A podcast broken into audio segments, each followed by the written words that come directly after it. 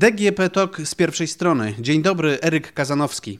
Konflikt Rosja-Ukraina, a dziś już właściwie Rosja, reszta świata trwa. Niewiele też wskazuje na jego rychłe pokojowe zakończenie. USA śle wojsko do Europy, a Europa grozi Rosji nadzwyczajnymi, surowymi sankcjami gospodarczymi.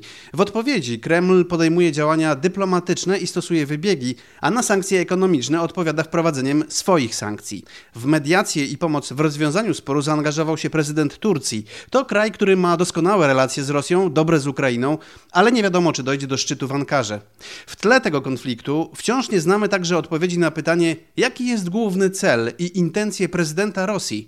Trudno powiedzieć, czy jest to cel numer jeden, ale bez wątpienia jednym z najważniejszych jest Nord Stream 2, uruchomienie tego najdłuższego na świecie podmorskiego rurociągu gazowego i czerpanie z niego korzyści. I o korzyściach właśnie tych ekonomicznych, politycznych i wizerunkowych dla właścicieli bałtyckiego rurociągu i zagrożeniach z nim związanych porozmawiam z Państwa i moim gościem. Dr Szymon Kardaś, analityk z Ośrodka Studiów Wschodnich. Dzień dobry panie doktorze. Dzień dobry panie redaktorze, dzień dobry państwu. Dlaczego Nord Stream 2 jest tak ważny dla prezydenta Rosji, że doprowadził do ryzyka wojny? Gazociąg Nord Stream 2 jest ważny dlatego, że ma służyć realizacji jednego z najważniejszych celów e, zewnętrznej polityki energetycznej Rosji, którym jest ominięcie dotychczasowych państw tranzytowych, które są ważne z punktu widzenia e, eksportu rosyjskiego gazu do odbiorców europejskich. Przede wszystkim chodzi oczywiście o e, Ukrainę, bo tym głównym szlakiem e, tranzytowym przez wiele, wiele lat była właśnie Ukraina i wszystkie gazociągi, te nowe gazociągi, które Rosja wybudowała w ciągu ostatnich kilkunastu lat, czyli Nord Stream 1, czyli Turk Stream, czyli teraz Nord Stream 2, miały służyć temu, by zmniejszyć zależność tranzytową przede wszystkim od Ukrainy, ale teraz, jak widzimy, również w grę wchodzą inne kraje, w tym Polska, przez który przebiega gazociąg Jamał-Europa, którym Rosjanie, odkąd wygasł e, kontrakt tranzytowy e, z Polską, też ślą tego gazu mniej, a właściwie w ostatnich tygodniach nie ślą go e, wcale. Czy nie można znaleźć trochę bardziej, nie wiem, rynkowych, bardziej konkurencyjnych rozwiązań, żeby no po prostu konkurować na rynku gazu, a nie doprowadzać do wojny? Tylko, że musimy pamiętać o tym, że to nie jest tak, że prezydent Putin zdecydował się na eskalację sytuacji wokół Ukrainy, dlatego że uważa to za e, środek służący szybkiemu uruchomieniu gazociągu Nord Stream 2. Nie. Musimy pamiętać, że z jednej strony oczywiście Rosja ma do zrealizowania pewne ważne cele w zewnętrznej polityce energetycznej i w polityce wobec Ukrainy czy wobec e, Zachodu, jeśli idzie o tę sferę energetyczną, a z drugiej strony mamy takie cele strategiczne na takim ogólnopolitycznym poziomie. I e, to, co obserwujemy w tej chwili wokół Ukrainy, koncentracja wojsk, te żądania bardzo ostre, które Rosjanie wysunęli pod adresem Zachodu w grudniu ubiegłego roku. Przypomnijmy propozycję dwóch traktatów ze Stanami Zjednoczonymi i z NATO dotyczących tak zwanych gwarancji bezpieczeństwa, a w rzeczywistości mają one służyć temu, by rozgraniczyć strefy wpływów z jednej strony Rosji, a z drugiej strony tego instytucjonalnego Zachodu. To są jednak zupełnie inne kwestie, tak? Znaczy Rosjanie tutaj grają w kontekście tej zaognionej sytuacji o zupełnie inne inną stawkę, to znaczy nowy rodzaj porządku e, e, międzynarodowego, a w szczególności odnoszący się do tej europejskiej części świata. Narzędziem w tej rozgrywce jest instrument gospodarczy, jakim jest ten bałtycki rurociąg. Nord Stream 2 jako projekt e, to jest interesujące, bo z jednej strony myśmy odczytywali taką narastającą presję polityczną ze strony Rosji, na przykład wiosną ubiegłego roku, tak, kiedy też doszło do takiej koncentracji wojsk i niektórzy spekulowali, że to jest rodzaj blefu polegający na tym, że Rosjanie no, wywierają pewną presję, licząc na to, że w ramach wkalkulowanej od razu deeskalacji e, nastąpi po stronie zachodniej przyjaźniejsze spojrzenie na to, by już nie przeszkadzać w dokończeniu budowy Nord Stream 2, bo przypomnijmy, że wiosną ubiegłego roku ten gazociąg był jeszcze budowany. I rzeczywiście było tak, że w momencie, kiedy po tej wiosennej eskalacji doszło do takiej deeskalacji, no to faktycznie Amerykanie, porozumiewawszy się z Niemcami, złagodzili kurs sankcyjny wobec Nord Stream 2 i ten gazociąg został dokończony. Pierwsza nitka w czerwcu, druga nitka we wrześniu. Natomiast ja bym tutaj nie traktował tej rozgrywki, którą w aktualnej odsłonie obserwujemy, jako rozgrywki o Nord Stream 2. Dlatego, że zwróćmy uwagę, jakby dochodzi do pewnej paradoksalnej sytuacji. Gdyby Rosjanie zdecydowali się na jakiś rodzaj ograniczonej agresji przeciwko Ukrainie, no to nastąpiłaby jakiegoś rodzaju odpowiedź sankcyjna ze strony Zachodu. I oczywiście my nie jesteśmy w stanie przewidzieć, jak głęboka byłaby to odpowiedź, jak dotkliwa dla Rosji, ale zaczyna się podnosić coraz częściej kwestia taka, by e, również nie wykluczać e, z tych opcji rozważanych jako odpowiedź sankcyjna na agresję rosyjską e, jakieś działania dotyczące Nord Stream 2. Mówią o tym Amerykanie wprost, że jeśli Rosjanie zdecydują się na agresję przeciwko Ukrainie, no to Nord Stream 2 nie zostanie uruchomiony. W Europie mówi się o tym trochę łagodniej, ale w pewnym sensie Nord Stream 2 mógłby przynajmniej czasowo stać się ofiarą e, e, agresji. Nie przesądzam, czy na, na długi czas, ale to ryzyko objęcia tego projektu jakimś rodzajem restrykcji w przypadku rosyjskiej agresji jest oczywiście większe. Kilka razy się już pojawiło USA, Amerykanie. No właśnie, Nord Stream 2 jest y, solą wokół nie tylko krajów, niektórych krajów europejskich, ale przede wszystkim Amerykanów. Dlaczego? Z kilku powodów. Po pierwsze, z punktu widzenia Waszyngtonu, tego typu gazociąg jest Europie niepotrzebny. Projekt, który y, y, wzmacnia pozycję rosyjską na europejskim rynku, zwiększa możliwości działania Gazpromu i w związku związku z tym też wykorzystywania tej infrastruktury na potrzeby no, nie tylko takie czysto handlowe, energetyczne, ale też polityczne, tak? No bo skoro część rosyjskiego gazu idzie przez Ukrainę, bo musi się Gazprom wywiązać ze swoich zobowiązań kontraktowych i nie ma innego wyjścia, no to w pewnym sensie ta zależność sprawia, że ograniczone są możliwości rosyjskiego oddziaływania na sytuację na Ukrainę. Uzyskanie tej rury na północy i zmniejszenie tej zależności jakby tworzy nową sytuację. I Amerykanie jakby na ten element zwracają uwagę ale też, i myślę, że na to warto również zwrócić uwagę, no to jest kontekst ekonomiczny. Im mniej rosyjskiego gazu w Europie, albo mniej możliwości zwiększania e, dostaw rosyjskiego gazu do Europy, no tym więcej szans dla e, innych graczy, czyli na przykład dla eksporterów amerykańskich. Jaki miałby być ten nowy porządek, który urodził się w głowie prezydenta Rosji Władimira Putina? Rosja domaga się tego, by Zachód tak naprawdę uznał e, prawa Rosji do obszaru poradzieckiego i uznał, że jest to obszar, który jest uprzywilejowaną strefą interesów politycznych, gospodarczych, militarnych, innymi słowy strefą wpływów. Bo w momencie, kiedy Rosjanie żądają, by kraje Sojuszu Północnoatlantyckiego i przede wszystkim Stany Zjednoczone zagwarantowały, że Sojusz Północnoatlantycki nie będzie się w przyszłości rozszerzał, na wschód, no to znaczy, że domaga się tak naprawdę prawa weta i uznania jakby rosyjskich interesów w sferze takiej polityczno-wojskowej e, w przestrzeni poradzieckiej, a musimy pamiętać o tym, że no, kraje, o których tutaj mówimy, czyli e, Ukraina, Mołdawia, Gruzja, kraje Kaukazu Południowego, to jest cały czas jakby w logice rosyjskiej ta przestrzeń poradziecka, czyli taka, do, do której Rosjanie sami roszczą sobie szczególne prawa. I nie chcą, żeby, krótko mówiąc, Zachód, czy to w wydaniu natowskim, czy w wydaniu jakimkolwiek innym w tej przestrzeni ekspandował.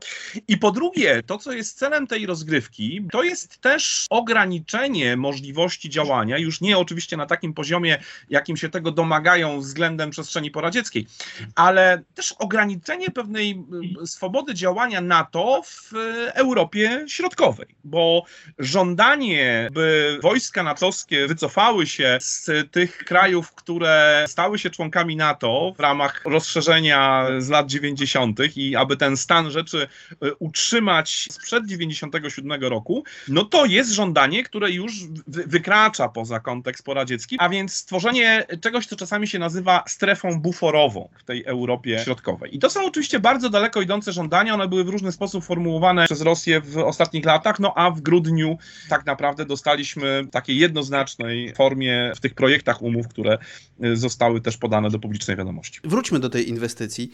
No Nord Stream 2 jest najdłuższym na świecie podmorskim rurociągiem gazowym. Ma długość ponad 1200 km. Ciągnie się po dnie morskim od dalekich rosyjskich wybrzeży Morza Bałtyckiego aż do wybrzeży Niemiec. Przez wody terytorialne kilku krajów, y, m.in. Rosji, Szwecji, Danii i Niemiec. Kto jest udziałowcem?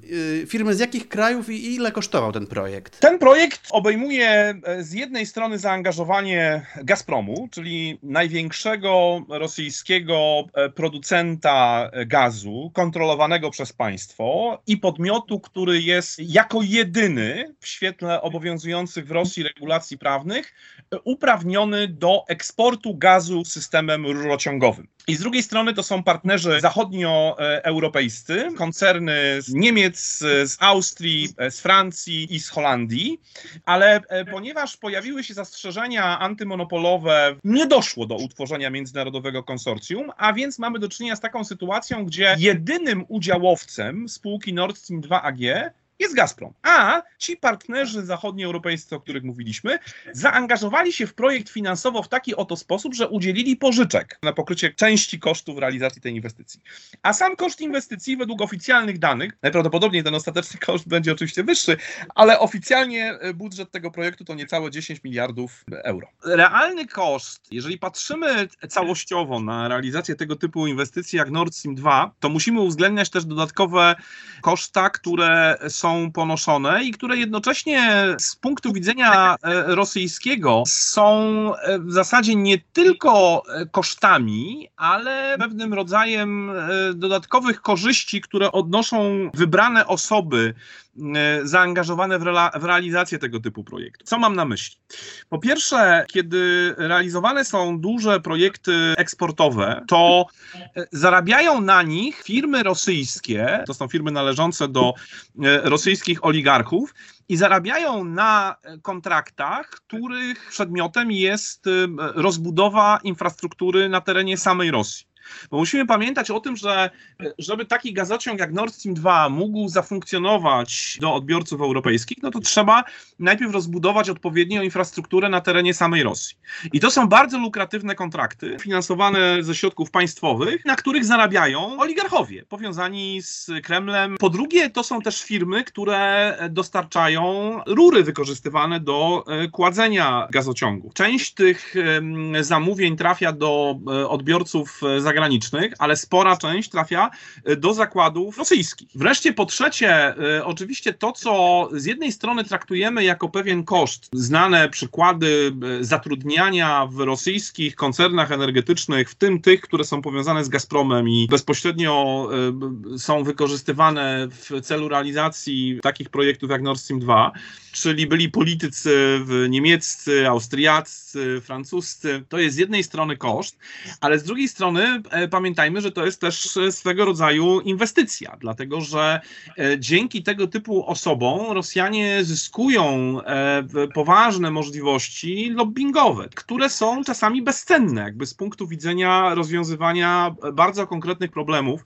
które się pojawiają na gruncie realizacji tych projektów. Ja już nie mówię o takiej działalności czysto propagandowej, liczne wystąpienia, jakieś wypowiedzi, które mają promować rosyjski gaz i mówić o tym, że tego typu projekty jak Nord Stream 2 służą tak naprawdę wzmocnieniu bezpieczeństwa energetycznego e, Europy, więc jakby pomijam taki wymiar czysto propagandowy, ale dzięki tego typu kontaktom, dzięki tego typu osobom Rosjanie jakby uzyskują też pewne możliwości lobbowania konkretnych rozwiązań, problemów, które pojawiają się do rozwiązania przy realizacji projektów, takich jak Nord Stream 2 na przykład. Jakie znaczenie Nord Stream 2 ma dla Polski? Gazociąg Nord Stream 2 rodzi negatywne implikacje dla Europy Środkowej i państw Europy Wschodniej, takich jak e, Ukraina, z kilku powodów. To jest coś, czego ilustrację obserwujemy w tej chwili, to znaczy możliwości wykorzystywania e, tych nowych szlaków e, tranzytowych do tego, by manipulować cenami na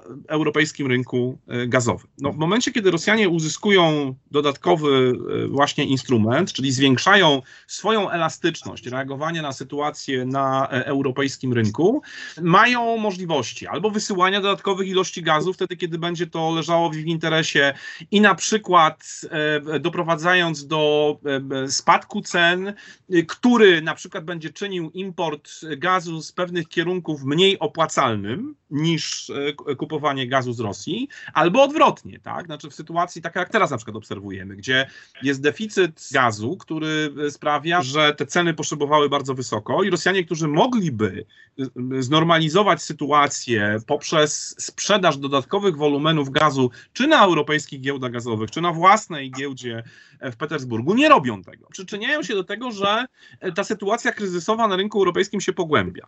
Więc z tego punktu widzenia nowa infrastruktura, która leży w ich, w ich gestii, no, daje im, znaczy zwiększa ich możliwości takiego elastycznego reagowania, ergo możliwości też manipulowania sytuacją w zależności od okoliczności. No i wreszcie ostatni element, który myślę, że nie tylko z punktu widzenia polskiego, ale, ale wszystkich krajów, którym leży na sercu to, by zasada solidarności energetycznej, polityka energetyczna Unii Europejskiej rzeczywiście była wspólną polityką energetyczną, e, no to ten, ten projekt jest problematyczny, dlatego że on się nie wpisuje właściwie w żadne cele ani mechanizmy współpracy Unii Europejskiej, jeśli idzie o politykę energetyczną, tak? Bo ani nie sprzyja temu, by dywersyfikować źródła dostaw, ani nie sprzyja temu, by poprawiać bezpieczeństwo energetyczne Europy jako e, całości. Projekt Nord Stream 2 pokazuje, że jakby w tym zakresie e, to jest coś, co mm, jest sprzeczne. To warto podkreślić, że instytucje unijne też wcale tego nie ukrywają, bo Parlament Europejski bardzo ostro się wielokrotnie w kontekście e, Nord Stream 2 wypowiadał. Też Komisja Europejska zaznaczała wielokrotnie, że Nord Stream 2 nie wpisuje się w priorytety, wysyłając tym samym sygnał, że jest to projekt jakby z punktu widzenia strategicznych celów unijnej polityki energetycznej po prostu niepotrzebny. To pewien paradoks. Mimo y, takiego sprzeciwu, y, głosu płynącego z Europy, mimo sprzeciwu Stanów Zjednoczonych, y, mimo wszystko chyba można uznać Nord Stream 2 za sukces prezydenta Putina. Tak, absolutnie. Zgadzam się w 100% z panem redaktorem. To jest sukces. I to jest sukces na kilku poziomach. E, po pierwsze, to jest e, e, poważny sukces polityczny, dlatego że ten projekt, który został ogłoszony w roku 2015, czyli rok i kilka miesięcy po aneksji Krymu, kiedy właściwie wydawało się, że żadne strategiczne przedsięwzięcie w relacjach między Europą a Rosją nie jest możliwe do realizacji, tak? E, e, został ogłoszony i no, relatywnie szybko przystąpiono do e, jakby pierwszych kroków, które miały zmierzać do jego realizacji. A więc, a więc w, i, i później jakby cały szereg różnego typu zdarzeń, które zwiększały napięcie w relacjach między Rosją i Zachodem, nie stanęły na przeszkodzie tak naprawdę w realizacji tego przedsięwzięcia. E, I korzyścią polityczną dla Rosji też było to, że już z chwilą właściwie ogłoszenia tego projektu kraje europejskie się bardzo mocno podzieliły, tak? Z jednej strony były te, które e, e, dały polityczne wsparcie, takie jak Niemcy, takie jak Austria, no i kraje Europy Środkowej, które, czy kraje bałtyckie, które były jednoznacznie przeciw. E, a więc podział w Europie, tak, kłótnia wewnątrzeuropejska, a kiedy Europa się kłóci, czy państwa europejskie się zaczynają spierać o różne rzeczy między sobą, to jest zawsze dobra wiadomość dla, e, dla Rosji. A jeżeli jeszcze się spierają z powodu Rosji, no to tym bardziej. E, I wisienka na torcie, której mam wrażenie, że Władimir Putin się nie spodziewał, a ją dostał, to jeszcze pęknięcia w relacjach transatlantyckich, tak? No bo w czasie e, administracji Donalda Trumpa to pęknięcie było na linii Waszyngton-Berlin, w, e, a kiedy doszedł do władzy Joe Biden, no to i jakby złagodził nieco kurs sankcyjny wobec Nord Stream 2, no to wtedy e, pewne pęknięcia, które się pojawiły E, na, na linii transatlantyckiej między Waszyngtonem a e, stolicami środkowoeuropejskimi. A więc pe pewne dywidendy polityczne, które już zostały przez Rosjan osiągnięte i w ogóle sam fakt, że niezależnie od tych wszystkich okoliczności, tych przeciwności losu, e, ten projekt udało się sfinalizować. I, no i druga rzecz, na którą warto zwrócić uwagę, to oczywiście jeśli dojdzie do uruchomienia tego gazociągu w najbliższych miesiącach. E, a zakładam, że jeżeli Rosjanie nie zdecydują się na e, eskalację militarną na, na Ukrainie, to prawdopodobieństwo uruchomienia tej infrastruktury w najbliższych miesiącach jest e, całkiem spore. Dzięki tej nowej infrastrukturze oczywiście Rosja, Rosja uzyska możliwości właśnie takie dodatkowe polityczne, jeśli idzie o zmniejszanie zależności od krajów Europy Środkowej czy od Ukrainy. No a sam Gazprom też jakby uzyska dodatkowe możliwości, jeśli idzie o ekspansję energetyczną na, na rynku europejskim, w szczególności oczywiście w krajach Europy Zachodniej, ale poprzez kraje Europy Zachodniej tak naprawdę w Europie w szerszym tego słowa znaczeniu. Więc oczywiście musimy pamiętać o tym, że były opóźnienia, że poniesiono dodatkowe koszty. To jest wszystko prawda.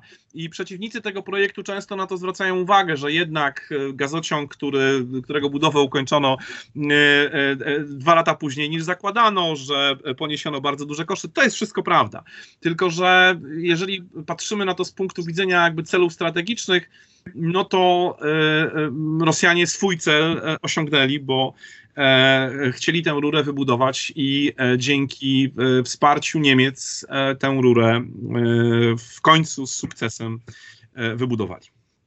Tygiel gazowo-polityczno-gospodarczy. Jaka jest przyszłość tego, tego rurociągu? Troszkę już Pan o tym powiedział, czy on rzeczywiście wystartuje. No i jaka jest przyszłość tego porządku, który zaplanował sobie prezydent Rosji? To są oczywiście trudne pytania, ale jeśli pyta mnie Pan o moją osobistą prognozę, jeżeli e, Rosjanie nie zdecydują się na poważniejsze działania militarne wobec Ukrainy, a ja nie zakładam tego, że e, dojdzie do tak zwanej wielkiej wojny, czy jakiejś wielkiej inwazji na Ukrainę, to mam wrażenie, że do uruchomienia tego gazociągu prędzej czy później e, dojdzie. Gdyby pojawiła się jakaś, jakiś rodzaj eskalacji w Donbasie, to być może ten moment zostanie e, odsunięty, bo pewnie jakiś rodzaj odpowiedzi europejskiej musiałby odnosić się również do Nord Streamu. Więc wtedy ten moment uruchomienia może się mocniej opóźnić niż tylko wynikałoby to z aktualnej procedury certyfikacji, która jest e, w toku i została e, w listopadzie 2021 roku zawieszona. Ale jeżeli nie dojdzie do, do eskalacji, czyli nie będzie pretekstu do tego, by wprowadzać sankcje przeciwko Rosji, ja mam wrażenie, że wiele krajów w Europie nie ma ochoty na to, by Rosję sankcjonować, to wtedy oczywiście będzie to zależało od już jakby ściśle prawnych kwestii, czyli od przebiegu tej procedury certyfikacyjnej, która, która trwa, która została zawieszona, dlatego że z punktu widzenia e, niemieckiego prawa finalizacja tej procedury zakłada zarejestrowanie na terytorium Niemiec spółki, która miałaby być właścicielem i operatorem niemieckiej części gazociągu. Gazprom, a właściwie spółka Nord Stream 2AG, która jest kontrolowana przez Gazprom, poinformowali w ostatnim ostatnich e, dniach, że taka spółka została już zarejestrowana, więc jakby kwestią najprawdopodobniej tygodni jest wznowienie procedury certyfikacyjnej, która może potrwać no, gdzieś do miesięcy letnich, wczesno-jesiennych tego roku. Więc jeżeli tutaj nie zajdą jakieś polityczne, nadzwyczajne okoliczności w relacjach z Ukrainą, to myślę, że jakby bardzo realne jest do e, uruchomienia tej infrastruktury może w horyzoncie właśnie końcówki tego roku e, dojść. Teraz jak pan pyta o, e, o horyzont taki szerszy. Co z tym gazociągiem zrobią Rosjanie e, i ich partnerzy europejscy? Myślę, że w horyzoncie średnioterminowym, czyli gdzieś do 2030 roku nie ma jakichś większych zagrożeń dotyczących możliwości zutylizowania tej infrastruktury, biorąc pod uwagę interesy i rosyjskie, i e, europejskie. Bo e, jeśli idzie o e, tak zwaną agendę Europejskiego Zielonego Ładu, która zakłada oczywiście zmniejszanie udziału paliw kopalnych w miksie energetycznym i ogólnoeuropejskim i poszczególnych krajów, to jednak w tym okresie przejściowym gaz jest traktowany jako e, ważne e, paliwo, które może pomóc w realizacji, przeprowadzeniu całej tej operacji e, pod tytułem Europejski Zielony Ład. A jeśli do tego jeszcze dołożymy to, że część tego gazu, który Rosjanie są gotowi zaoferować, może być wykorzystywana na potrzeby produkcji wodoru, to myślę, że w horyzoncie najbliższej dekady o możliwości wykorzystania tej infrastruktury byłbym spokojny. Oczywiście problemem będzie to, w jakiej skali Rosjanie będą mogli ją wykorzystywać ze względu na ograniczenia wynikające z unijnego prawa. Tak? Czy uda im się, krótko mówiąc, doprowadzić do sytuacji, w której całość tej przepustowości, czyli te 55 miliardów metrów sześciennych będzie można wykorzystać, czy też ze względu na wynikające z znowelizowanej dyrektywy gazowej e, unijne restrykcje, ten gazociąg będzie można wykorzystywać w mniejszej, w mniejszej skali. No to od tego będzie zależało, czy ta rura będzie bardziej dochodowa, czy, czy mniej dochodowa. Ale to, że ona się przyda w kontekście współpracy rosyjsko-niemieckiej czy rosyjsko-zachodniej europejskiej, co do tego nie mam wątpliwości i tutaj jest bardzo wielu zainteresowanych i po rosyjskiej, i po europejskiej stronie, by, by z tego e, uczynić użytek. Natomiast w horyzoncie długoterminowym właśnie te ambitne cele energetyczno-klimatyczne związane z neutralnością klimatyczną i z tym, żeby do 2050 roku osiągnąć właśnie tego typu cel, to to są złe wiadomości dla, nie tylko dla Rosji, ale dla wszystkich krajów, które są uzależnione od produkcji i eksportu e, e, paliw kopalnych, tak? No bo jeżeli faktycznie te agendy klimatyczne będą w odpowiednim tempie wdrażane, tak by do lat tam 2050-60 te, te, te cele klimatyczne bardzo ambitne osiągać, no to długoterminowo oczywiście to są złe wiadomości, no i przyjdzie taki moment pewnie za wiele, wiele lat, kiedy tego typu infrastruktura oczywiście już nie będzie miała tak e, wielkiego znaczenia i nie będzie e, z pewnością tak użyteczna, jak może być w kontekście najbliższej e, dekady. Doktor Szymon Kardaś, analityk z Ośrodka Studiów Wschodnich. Bardzo dziękuję panie doktorze za rozmowę. Bardzo dziękuję.